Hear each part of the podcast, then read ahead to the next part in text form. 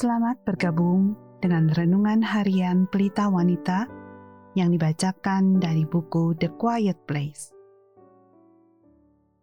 Pembacaan Alkitab hari ini diambil dari 1 Tesalonika 5 ayat 11 sampai 15. Karena itu, nasihatilah seorang akan yang lain, dan saling membangunlah kamu seperti yang memang kamu lakukan.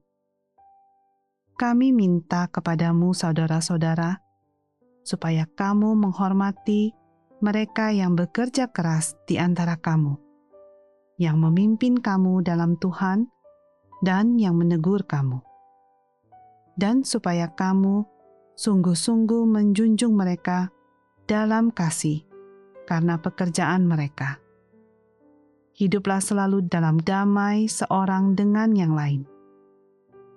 Kami juga menasihati kamu, saudara-saudara, tegurlah mereka yang hidup dengan tidak tertib. Hiburlah mereka yang tawar hati. Belalah mereka yang lemah. Sabarlah terhadap semua orang.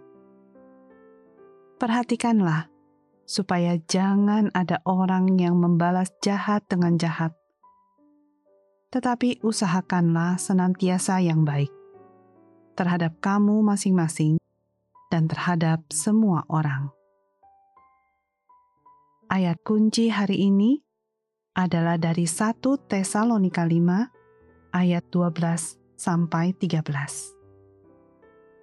Kami minta kepadamu saudara-saudara supaya kamu menghormati mereka yang bekerja keras di antara kamu yang memimpin kamu dalam Tuhan dan yang menegur kamu, dan supaya kamu sungguh-sungguh menjunjung mereka dalam kasih karena pekerjaan mereka. Hati seorang pendeta. Betapa saya berterima kasih kepada Tuhan atas begitu banyak pendeta dan pemimpin rohani yang saleh yang telah Tuhan tempatkan di dalam kehidupan saya. Salah satu contohnya adalah pendeta Earl Connors yang membaptis saya sewaktu saya berumur lima tahun. Sekarang dia sudah bersama Tuhan, tetapi saya masih memiliki kenangan yang indah tentangnya. Doa-doa pengembalaan yang disampaikannya setiap hari Minggu pagi dari atas mimbar sangat berkesan bagi saya hingga saat ini. Sebagai seorang anak kecil, terkadang doa-doa itu terasa begitu panjang, terutama pada hari Minggu di musim panas yang terik dan lembab di dalam sebuah gedung tanpa AC. Tetapi sekarang saya bersyukur atas pendeta masa kecil saya yang telah dengan setia mendoakan jemaatnya. Saya juga teringat pada saat perjamuan kudus, bagaimana ia selalu membagikan roti dan anggur kepada masing-masing diaken setelah setiap mereka selesai melayani jemaat.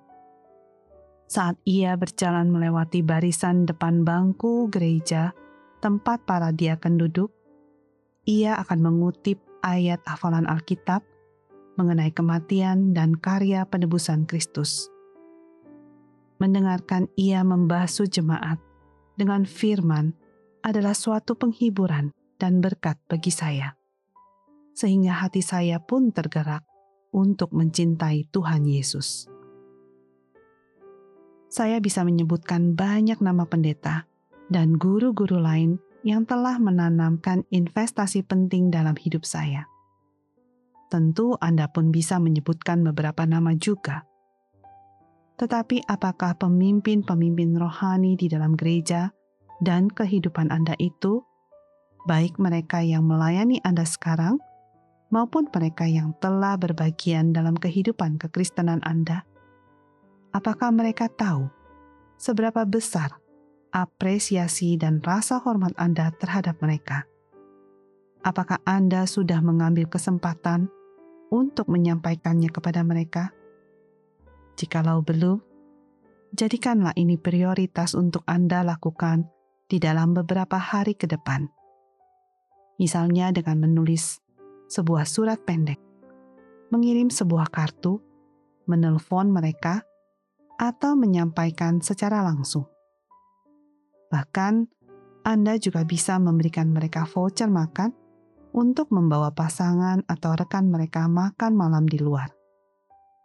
Hargai mereka dalam kasih atas pekerjaan mereka mereka membutuhkan dorongan semangat dari Anda, lebih dari yang Anda sadari.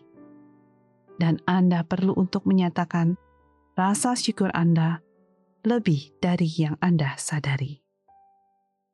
Sebagai penutup, mari kita renungkan pernyataan ini. Selain memberikan perkataan yang positif secara langsung kepada pendeta dan pemimpin gereja Anda, seringlah berdoa bagi mereka, dan carilah kesempatan untuk mengatakan hal yang baik tentang mereka kepada orang lain.